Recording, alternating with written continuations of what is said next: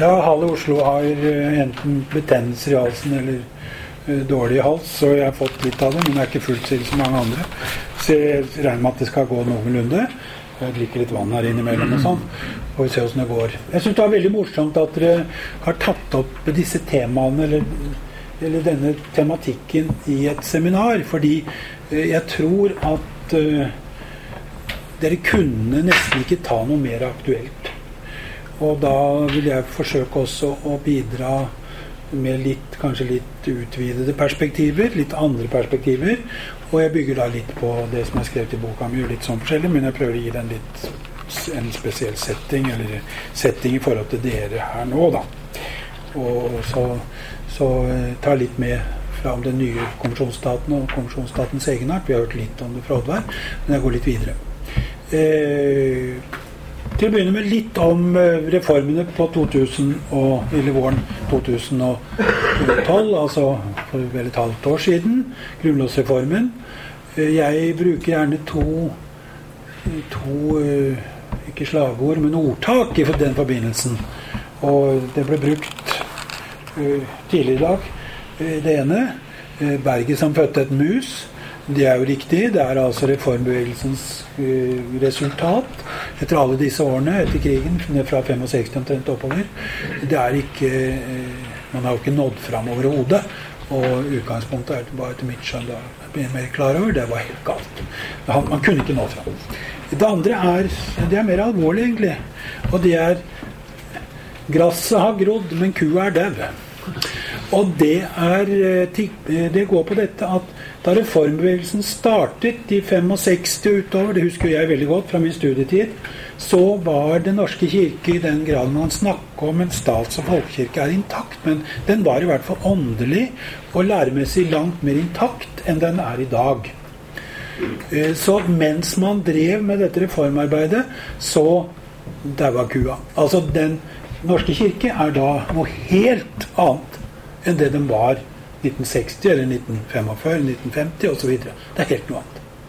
Og det bør man være veldig klar over. Det har foregått egentlig en sakte, men sikker revolusjon. Og det gjør at uh, reformprosjektet, etter mitt skjønn, krever da at man går uh, tilbake og spør ja, var det mulig egentlig? Etter mitt skjønn var det ikke det, men det er jo da litt med min måte å tenke på her. Men, men eh, i hvert fall må man gå kritisk etter det. Jeg eh, arbeider jo ikke så mye teologisk lenger. Jeg arbeider mye mer kulturhistorisk og sosialfilosofisk. Så jeg spør da hvilken korrelasjon er det mellom en bestemt kulturoppfatning, en bestemt sosial oppfatning av sosialfilosofiske spørsmål, eh, politikk, politikk og, så videre, og eh, teologi? Hvilken korrelasjon og da er det en veldig klar korrelasjon mellom middelalder og pavekirke. Det er svære motsetninger og konflikter, og det er slåsskamp om hvem som skal ha makten, men de er innenfor kristenheten. De har den samme referanserammen, men de ser på seg selv forskjellig. Det forandres med reformasjon og ny tid, og så kommer da eh, problemene på rad. Og jeg skal ikke Jeg vil si da får alle konfesjoner får da et kjempeproblem ganske fort. Og Oddvar var inne på noe eh, med, eh, med altså den teokratiske eh, staten i forbindelse med forbindelse med eh, envåstiden og før det, eh, som er helt riktig. Jeg skal ta et aspekt ved siden av det som også må tas med.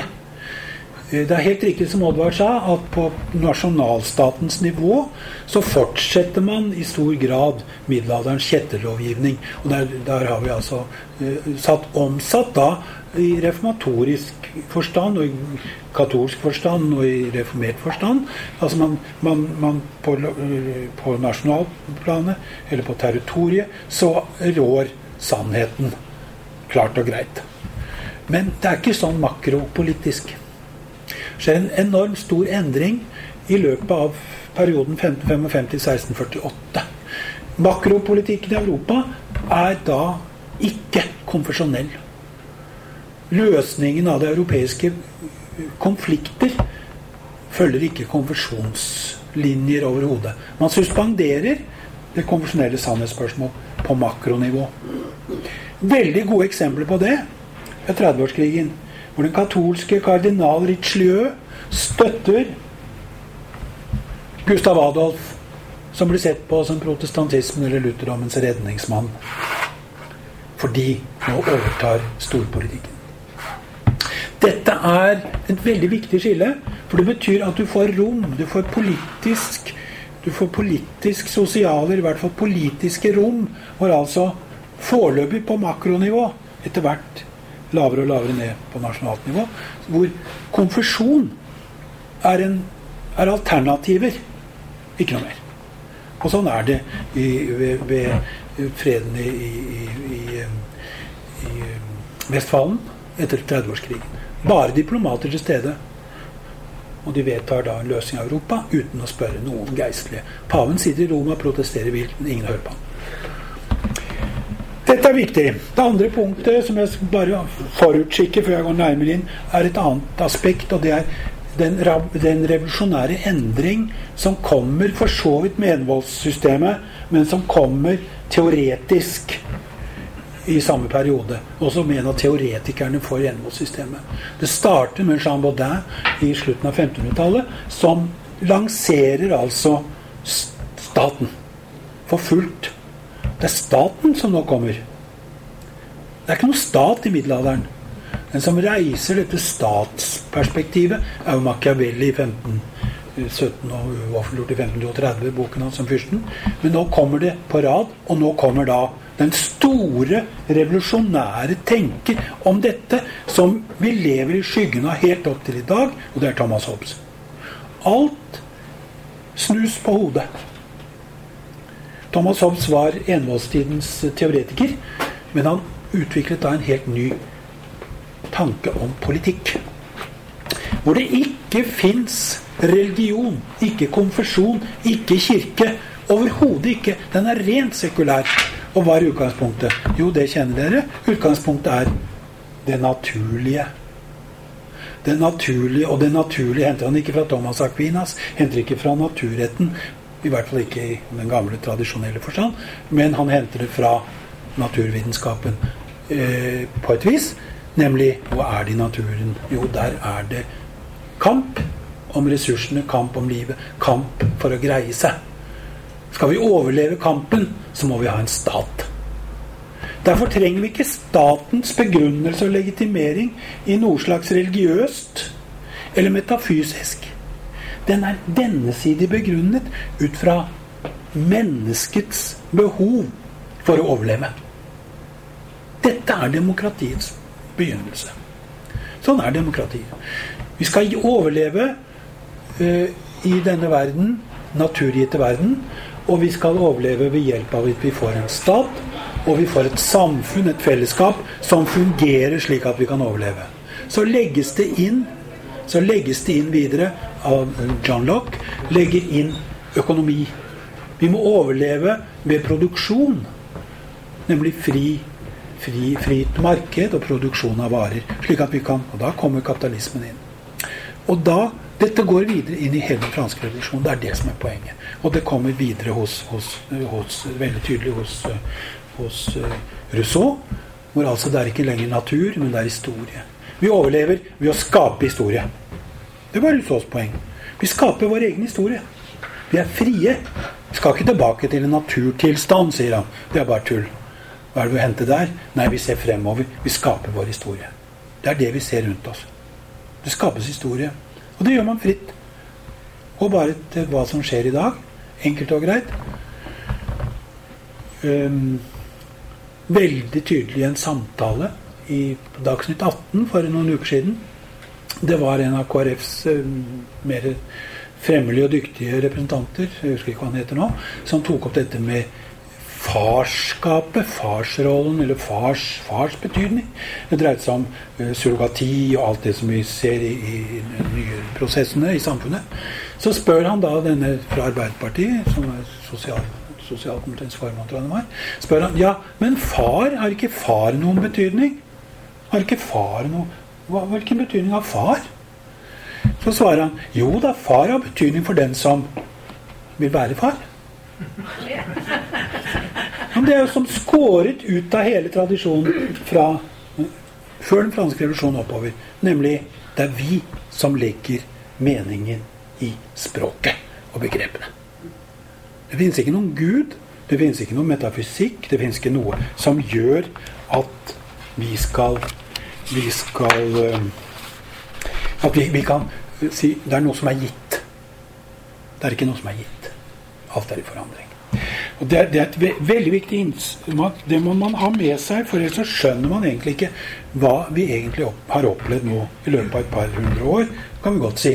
Men, det, men vi ser det nå veldig tydelig etter annen verdenskrig. Da ser vi det veldig tydelig. Men det er jo i løpet av 1800-tallet også. Og det betyr da for Kirken og teologien Hva betyr det? Jo, det betyr at du kan ikke bare snakke om Guds ord du kan ikke bare snakke om budskapet, du kan ikke bare snakke om frelse, snakke om kirke. Du kan ikke bare snakke om alle disse grunnleggende kristelige, teologiske temaene. Du må snakke om virkeligheten. Det er kamp om virkeligheten. Og det ser man hvis man, hvis man går til de som er i nærkontakt med dette, de eh, norske medisiner, eller medisiner over hele verden, som i, kristne mennesker som er i nærkontakt med utviklingen for bio, bioteknologi, de er jo i forhold til en virkelighet. Og da kan du ikke komme Da nytter det ikke å komme med, med, evangeliet her. Det er ikke nok. Det er ikke nok. Det er, du må begynne å slåss om virkeligheten. Og det er den kampen man har gitt opp. Og jeg ser den katolske kirke etter krigen, Annet Vatikanum, videre oppover. Det går på det går på, det går på kirke, det går på evangelium, det går på nestekjærligheten. Alt, ser du fra Pames encyklikar, går på det. Veldig riktig. Alt er veldig riktig. Alt er veldig riktig. Samtidig så kommer poenget. Vi lever i, under relativismens eh, tyranni. Vi lever under eh, sannhetsbegrep som er subjektivistisk. Alt dette må vi ta avstand fra. Men så kommer da den debatten som nå begynner å dra seg til i amerikansk katolisisme, også i Europa, nemlig den klassiske debatten hva er natur? Fins det noe som er naturgitt, som vi må fastholde? Og det kan vi si med adresse til KrF f.eks. Hvis du skal bryte med liberalismen i Fremskrittspartiet, Høyre eller hele, hele, hele fjæra, som må du bryte på at du sier liberalismen dekker ikke virkeligheten. Du må vise til at den dekker ikke virkeligheten. Den gjør ikke det. Og det er et stort det er et stort oppgave for kristen filosofi og kristen teologi. Og da, eh, før du snakker om kirkeordning, så må du tenke på det. La oss si litt da om konvensjonsstaten. Alle har sagt en del. Jeg skal legge til litt. Eh, det som jeg syns er interessant med den gamle konvensjonsstaten, det knytter jeg til tre begreper. Sannhet, enhet og avvike. Sannheten, det var konfesjonen. Forvaltet gjennom kongens presteskap og hele skoleverket og alt det som var nødvendig der. Eh, og det er forskjellige slike stater religiøse sannheter for staten det er da knyttet til nasjonale territorier. klart, Og dermed så får man dette det sanne, den sanne religion. Den sanne religion. Det er den som har råde i kongens riker og land. Men så kommer det noe i tillegg som jeg tror man legger for lite vekt på. Og det er enhetstanken. Det er klart, her er poenget å få til en enhet i et samfunn. En enhet som man hadde allerede med seg fra antikken. At det må være, samfunnet må ha en enhet på et eller annet vis. Og det er jo helt elementært. Og så går den kristne fyrste inn og skaper denne enheten, slik at du får denne dette at det dekker hverandre hele veien. Det dekker hverandre. Det er altså eh, Undersåtten er også menighetslem. Du opplæres i, i, i Du har straffeloven. Men koblet til den er også den religiøse lovgivningen som Oddvar er inne på, med blasfemi osv. Alt dette er, dette er veldig, veldig, sentralt. Det er enhet og fred og harmoni. Det er det som skal til. Og da må det dekkes, og det toppes seg da på toppen med fyrsten, som er både kristen fyrste og fyrste. Han er både kristen og fyrste. Det går over i hverandre. Altså Det er ikke Det er, et, det er enhetskonsepsjonen som er mest interessant. Enhetskon, øh, enhetskonsepsjon er øh, helt avgjørende, og der sier man også at fromheten støtter rikene. ikke sant? Altså Det er denne, denne, denne å sikre at undersåttene både er trofaste menighetslemmer, opplæres i kristen tro og forsakelse. Alt dette er helt sentralt for å gjennomføre denne enheten i, i dette samfunnet. Og dermed avvike vekk. Avvike som er bruddet på sannhet. ikke sant? Det er brudd på sannhet. Og det er, det er, katolikkene, det var reformerte, det var, det var uh, døpere osv. Og, så og det er akkurat det samme i de andre konvensjonsstatene. Der sender man ut andre folk som man ikke er enig med. Altså Det er sannhets, sannhetskravet. Det som ligger i dette, er naturligvis at det er en enhet som er forankret i religion. En sannhet. Og alt det som følger med av grunnleggende oppfatninger av verden og virkeligheten og mennesket, som ligger i dette, det, det, lå, det, lå, det, lå, under. Men det som, blir, det som da kan man da si at her, bruker, her bruker det, brukes dette på eh, gal vis. Det er ikke fyrsten eller statsmakten skal ikke drive med religion på den måten. Ja, Men det er ikke så fryktelig nøye her. Fordi selve horisonten for måten å tenke på, føle på og forstå seg selv på i dette samfunnet var kristent. Det er kristendommen som gir meningshorisonten for menneskene. Avvikerne ble landsforvist eller tatt livet av, eller hva som helst. For de var også politiske trusler. Det som da skjer, er at vi, kommer, vi kan gå gjennom fra punkt for punkt for punkt for punkt. Og vi kan se det starter med 1814. Der ligger premissene allerede hos oss. Men vi kan gå videre. Dissenterloven nevnte vi. Hva er det som skjer med dissenterloven? Jo, det er, det er enheten i lokalmenigheten blir borte. Det er det, eh, det, er det eh, Landstad i Fredrikshall er så opptatt av. Når han skriver inn etter dissenterloven er kommet, at det er kommet metodister i menigheten min. Hva i all verden har de der å gjøre? Jo, de kan jo få lov til å naturligvis samles og, og dyrke sin Gud, men de må ikke propagandere. De må ikke forkynne. De må ikke gjøre noen av mine menighetsbarn til metodister, skriver Landstad. Han får støtte av Oslo biskop. Biskopen Kristiania. Men naturligvis ikke Justisdepartementet. Den tid er forbi. Menighetens enhet er borte. Altså den prestegjellets territorielle religiøse enhet. Kan bare følge videre oppover. Skolen 89-91, eh, ny skole. Eh, konfesjonell. Men nå begynner bruddet med Kirken å komme, og det kommer definitivt i 1911 med bruddet med konfirmasjon. Altså hele tiden skole, kirke, det er da i slutten av eh, Altså det er forbi, egentlig, i begynnelsen av det 20. århundre. Da er det forbi det som kjennetegner eh, ikke minst kristne og teologer og kristne historikere, jeg vet ikke hva, det er at de er så forferdelig godtroende. De ser jo ikke hva som skjer. De ser jo ikke historien.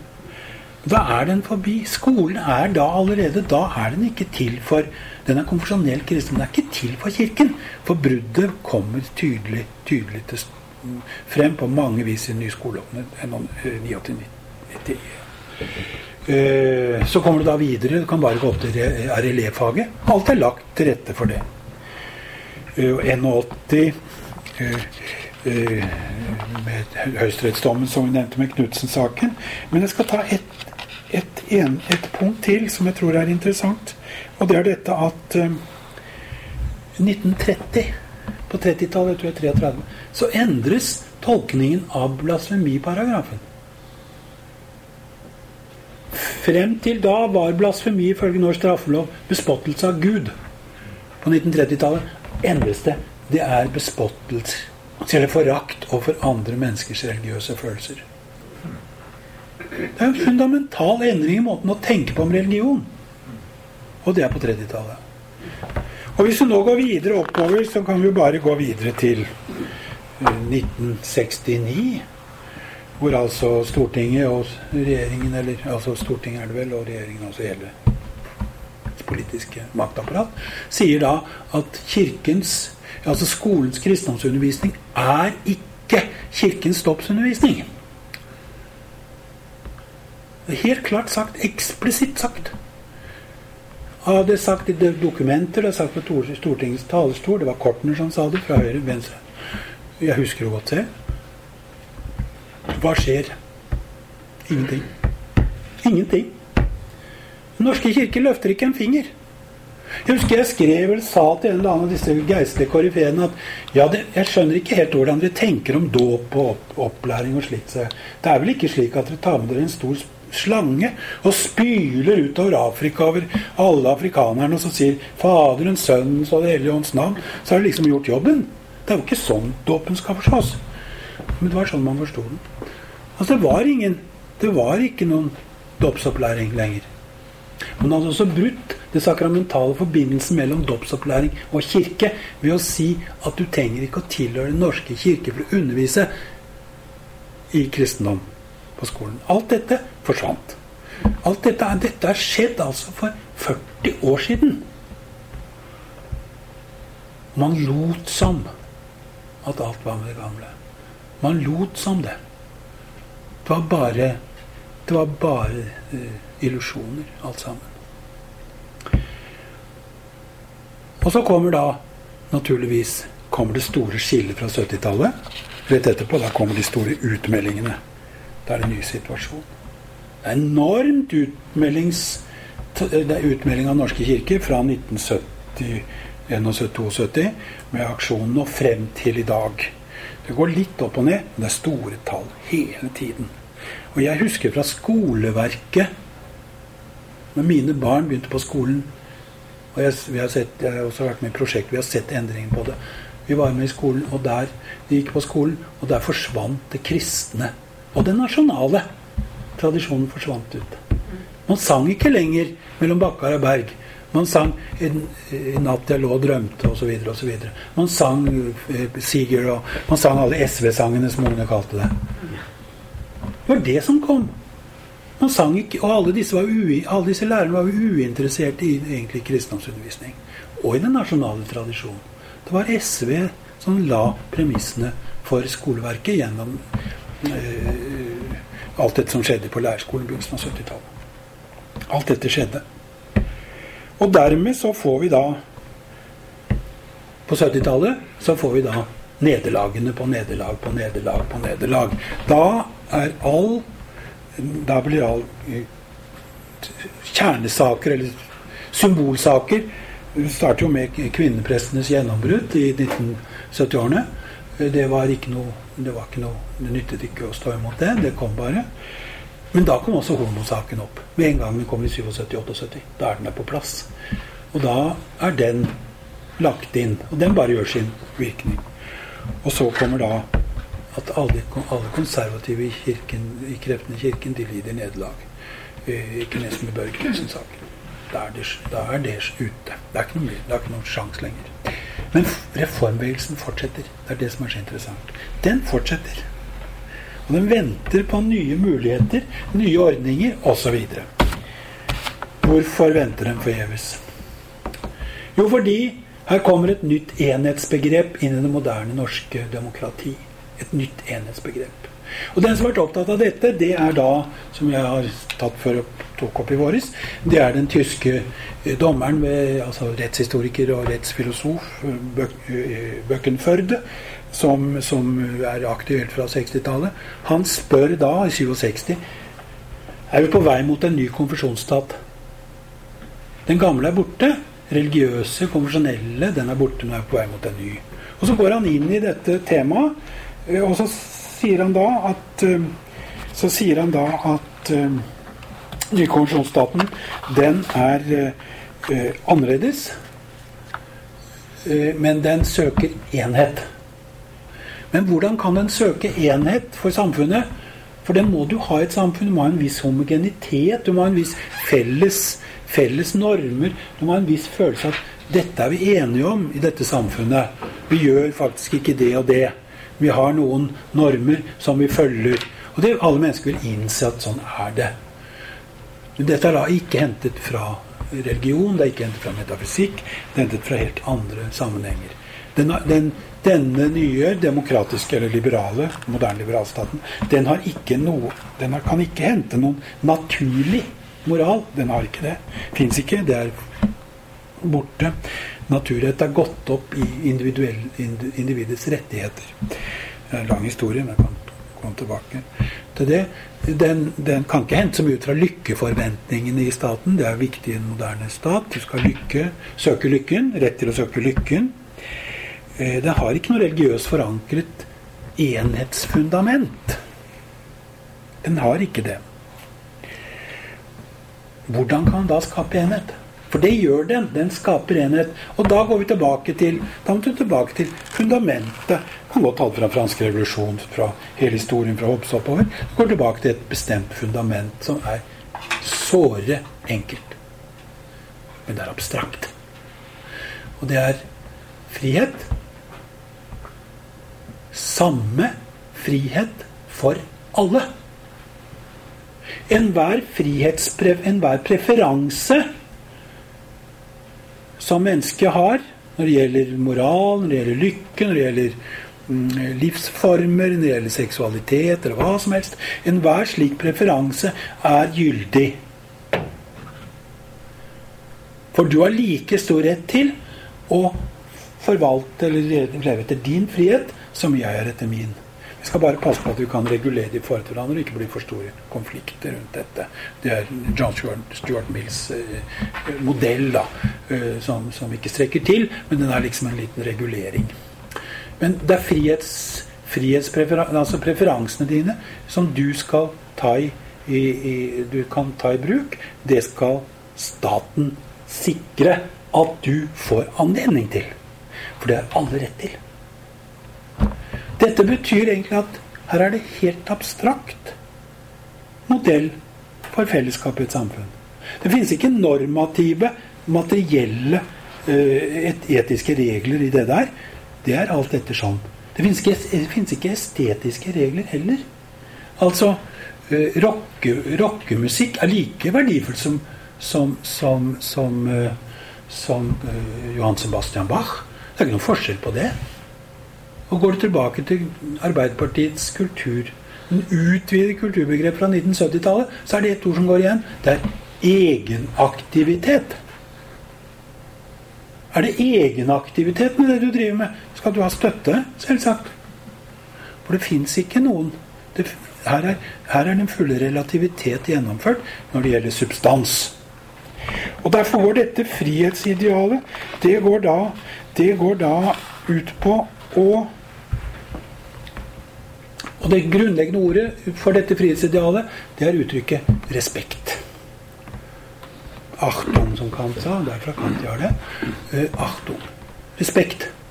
Respekt for frihet, respekt for dine preferanser, respekt for din seksualitet, respekt for din måte å innrette liv på, osv. osv. Det er altså helt klart at her er det er det grunnleggende.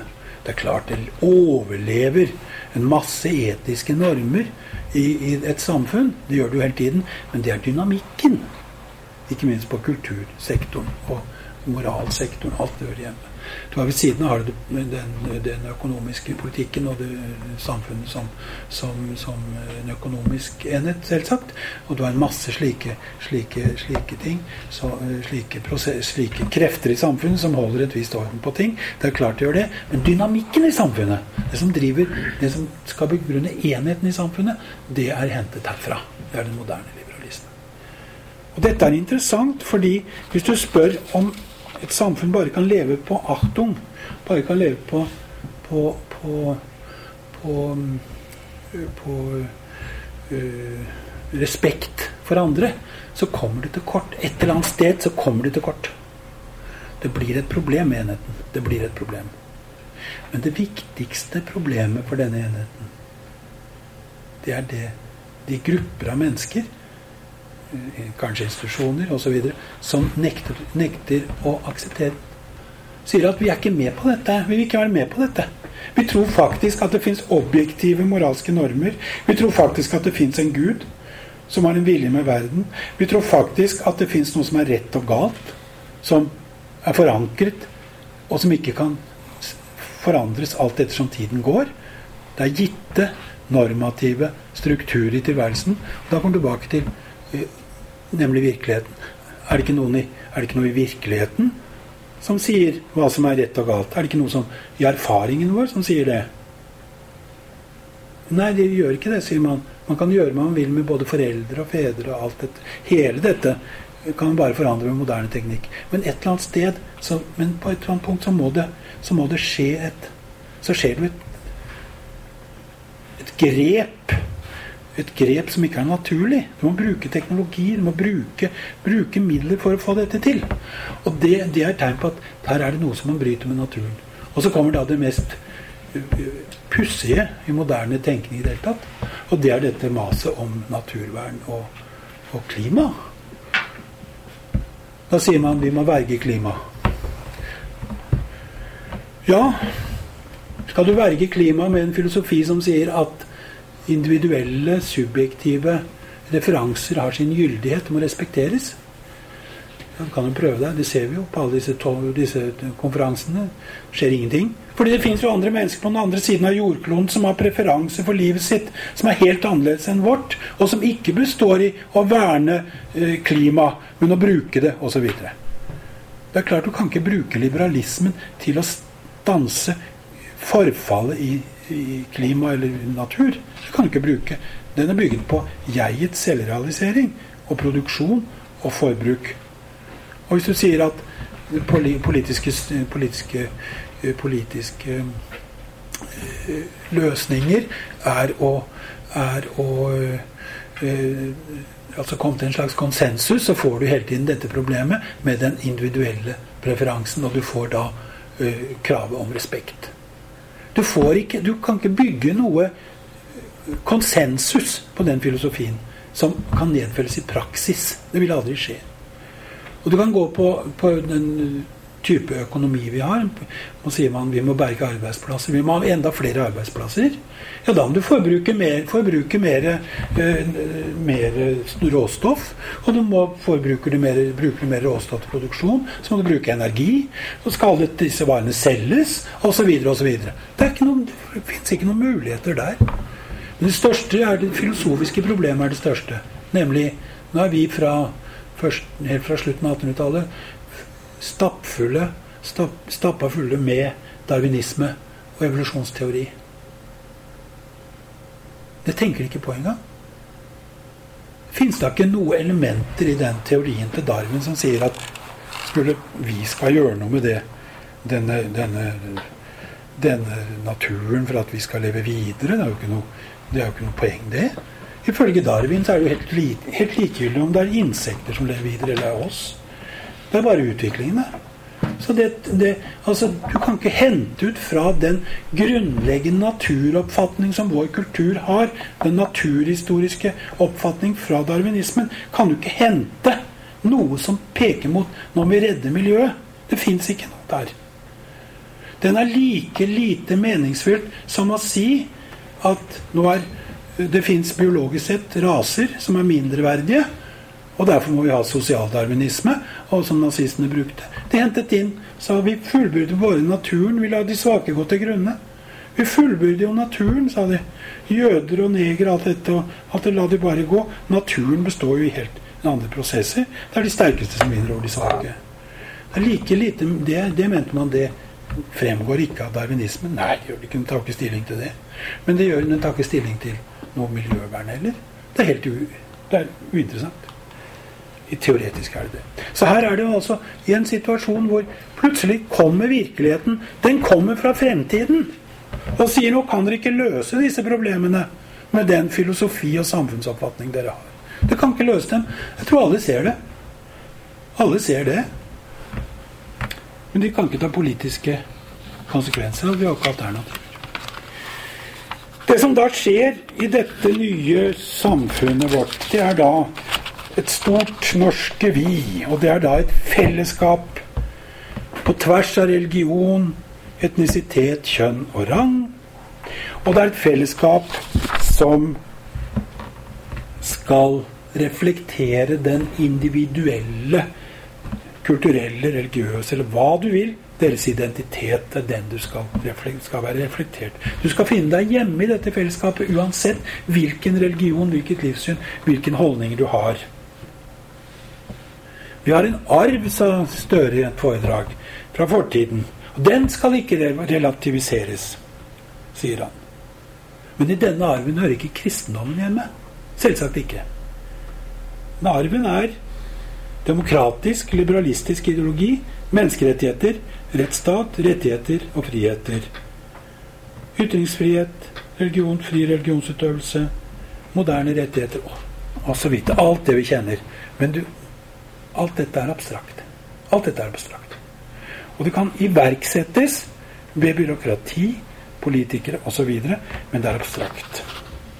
Det tenker slik at det kommer nedenfra, fra det folkelige, så kommer dette opp. Det tror jeg ikke noe på. Det kommer egentlig ved politiske prosesser som prioriterer bestemte moralske og ideologiske eh, har bestemte ideologiske preferanser, og bryter ned andre. Det som er viktig her, det er at vi får altså en, et samfunn hvor det er enhet på relativismens premisser. RLE-fag og andre fag uh, i hele vårt samfunn bygger jo på dette at du må innrømme at din religion er en subjektiv følelse som du ikke verken kan rasjonelt eller på, begrunne på annet vis. Den, det må du innrømme på vegne av din religion, så får andre gjøre det på sin. Altså, Muslimer må gå inn på dette, at deres religion er ikke noe spesielt åpenbaring. De tror det selv. Det er greit, men det er jo ikke det. Kristne gjør det samme, men det er jo ikke det. Men de skal få lov å ha den meningen. Altså dette, dette tolerante prinsippet, det skal gjelde, men de må innrømme at de ikke representerer noe som skaper skiller i enheten. Det er det som er poenget. Må ikke skape skiller i enheten.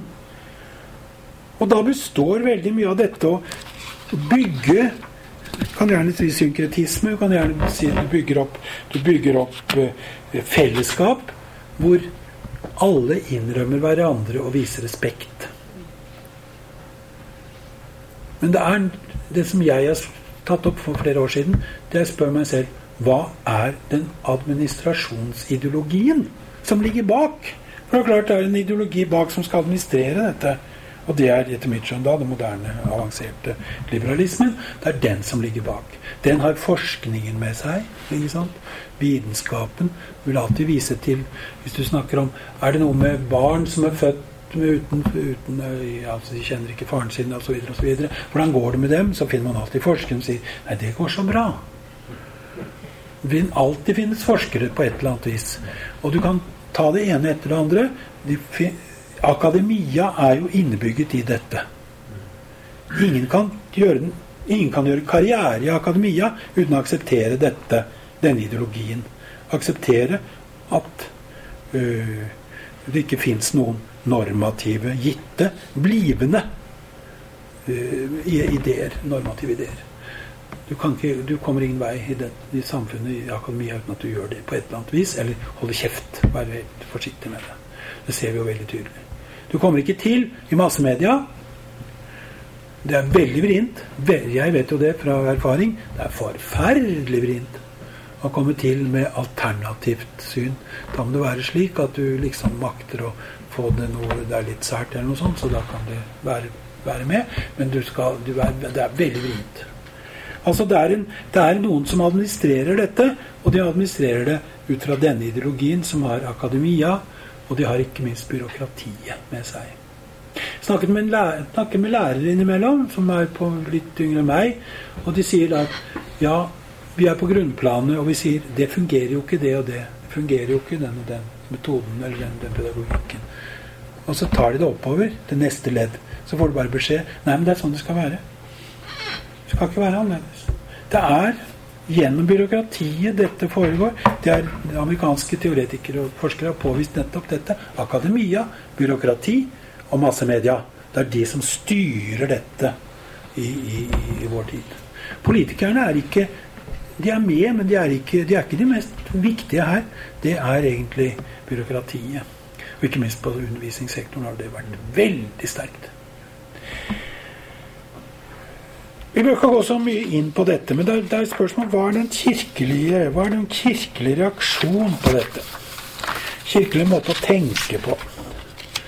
Altså, jeg tror Jeg tror, etter mitt skjønn, i dette samfunnet Hvis du holder deg til loven, holder deg til strukturen, det som gjelder for den struktur, gjelder for liksom grunnleggende rettslig struktur og politisk struktur i samfunnet, så gis det for religionene så gis det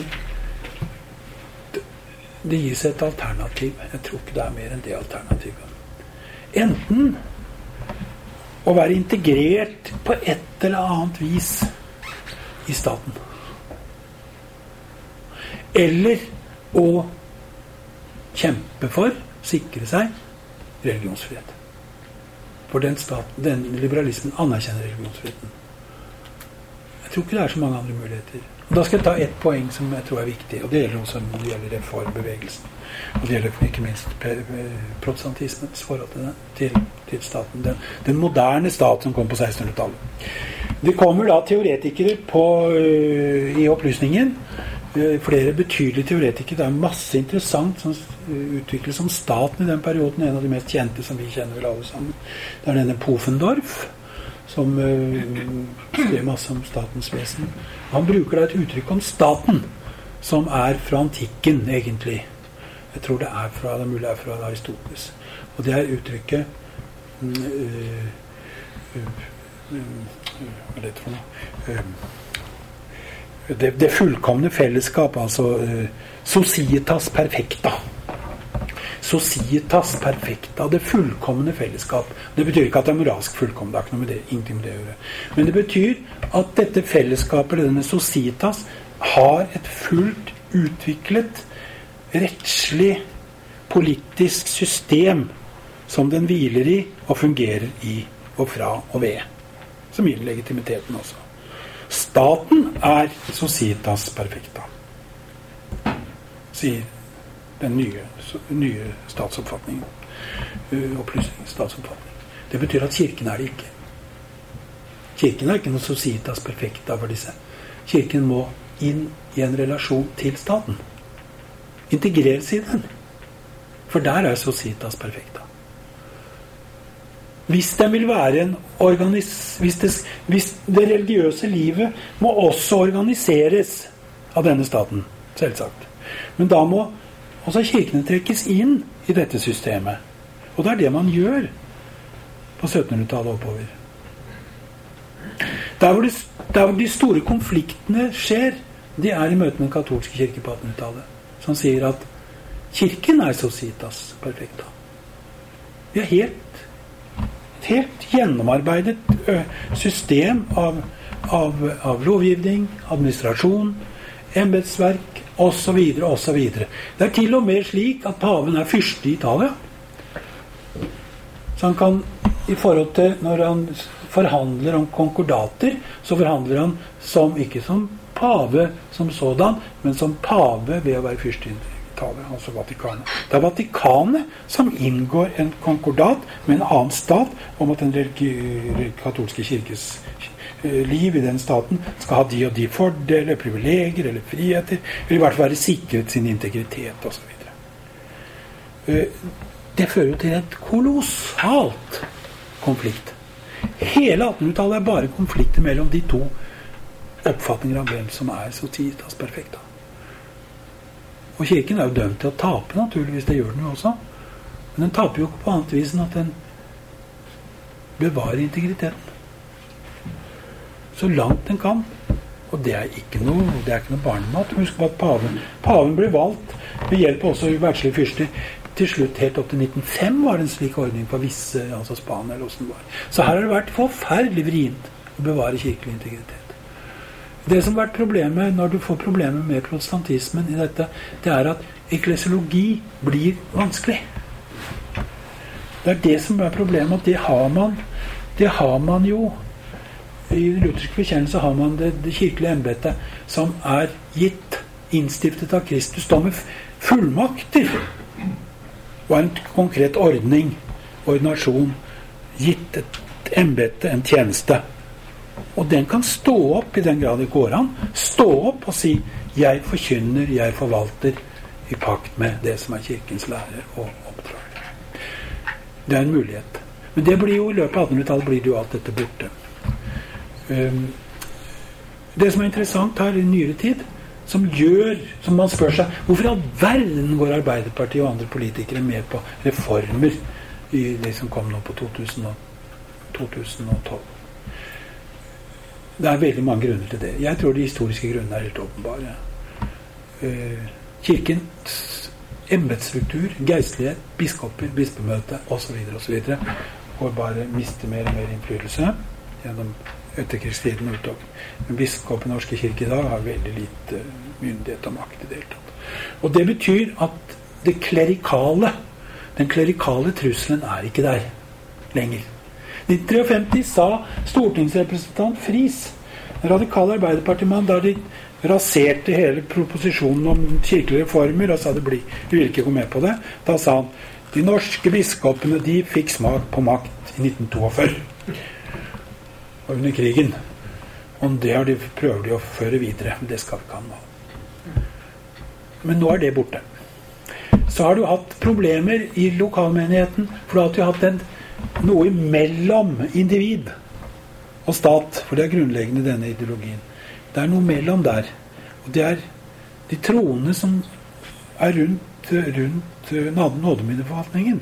De som var i frivillige organisasjoner, de som bekjente Kristi navn. Altså som skilte seg ut fra den folkekirkelige flertall, men som var altså bevisste eh, moderne forstand bevisste kristne mennesker, og som brukte nådemidlene.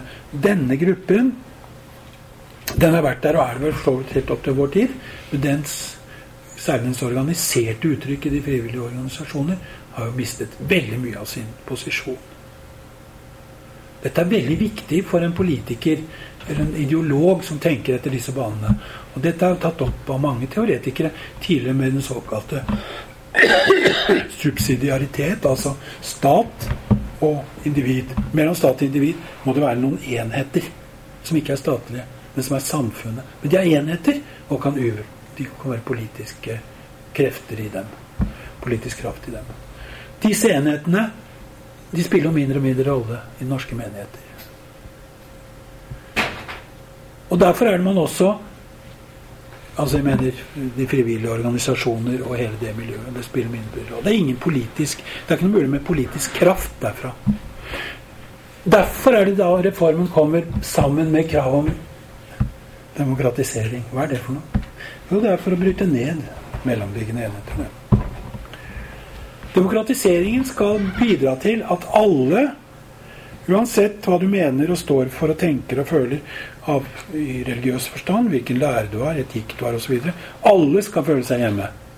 For det skal jo ikke være noe skiller i et slikt samfunn. Skillene skal jo bare bestå i at ikke noe annet at du gjør det på din måte, jeg gjør det på min måte. Og så respekterer vi hverandre. ikke sant?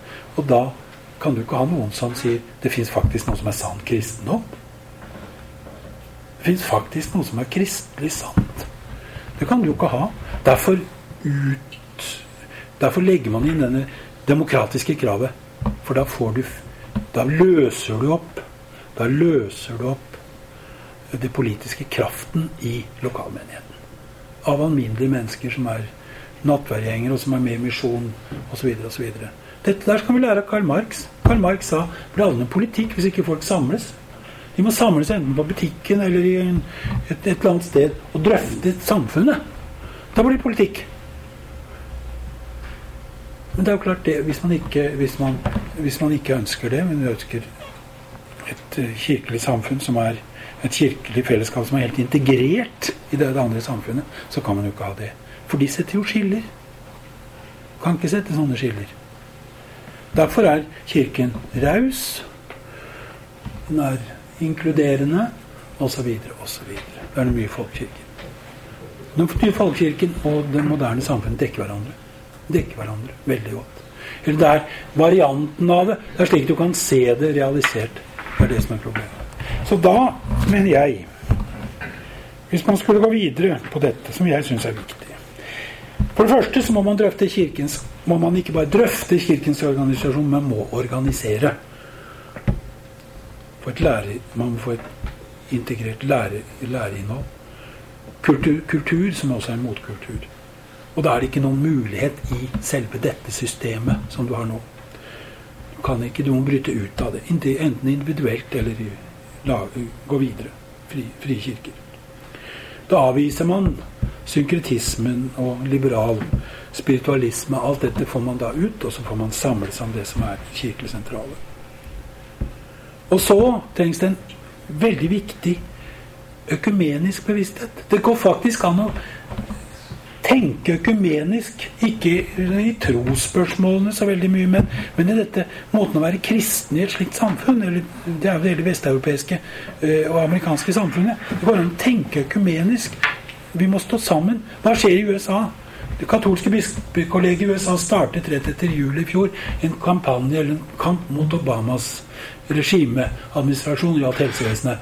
For Obama hadde da lagt opp det vet dere jo, lagt opp å overta alle altså alle de katolske sykehus og diakonale institusjoner. Og det er formidable saker.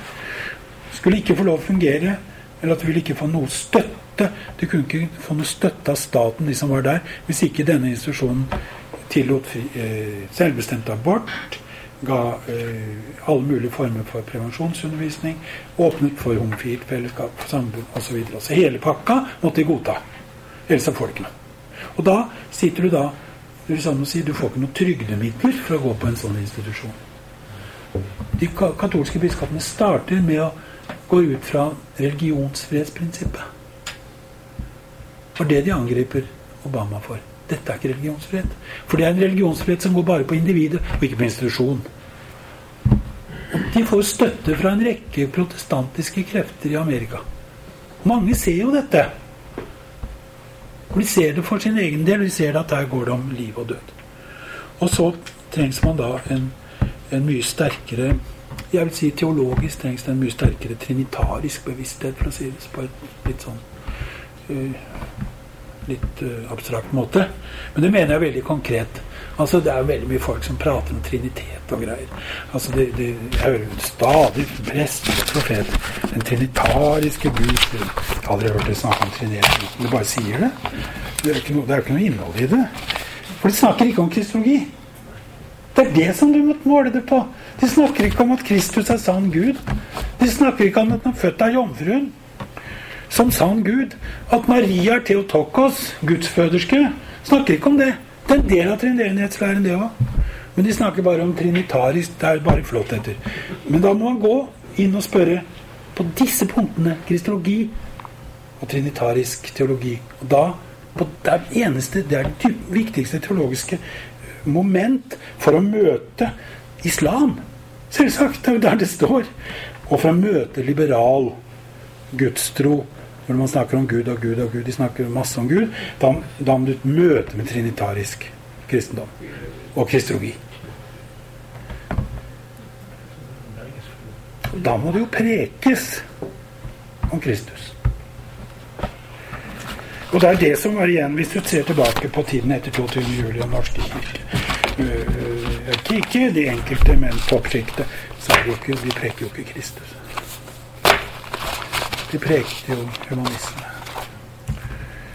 Jeg skriver i boken min om eh, prekenen til til eh, erkebiskopen eh, Byfuglin. Han skriver da at den er i grunnen uttrykk for alminnelig humanistisk rasjonalisme. Men det er ikke noe nytt. Hun bruker Johannes-evangeliet. Tunge steder i Johannes-evangeliet er vel, pro, var vel fra prologen. Kristologiske tunge steder bruker hun, så er jo teksten. Det kommer jo ikke noe om det å sammenligne med rasjonalistiske prester på slutten av 1700-tallet, begynnelsen av 1800-tallet. De prekte Første påskedag så prekte de over teksten om de som løp av sted for å se om Jesus var opp. De kvinnene som løp til graven tidlig, tidlig på morgenen. Vet du hva de prekte om? nytten av å stå tidlig opp om morgenen.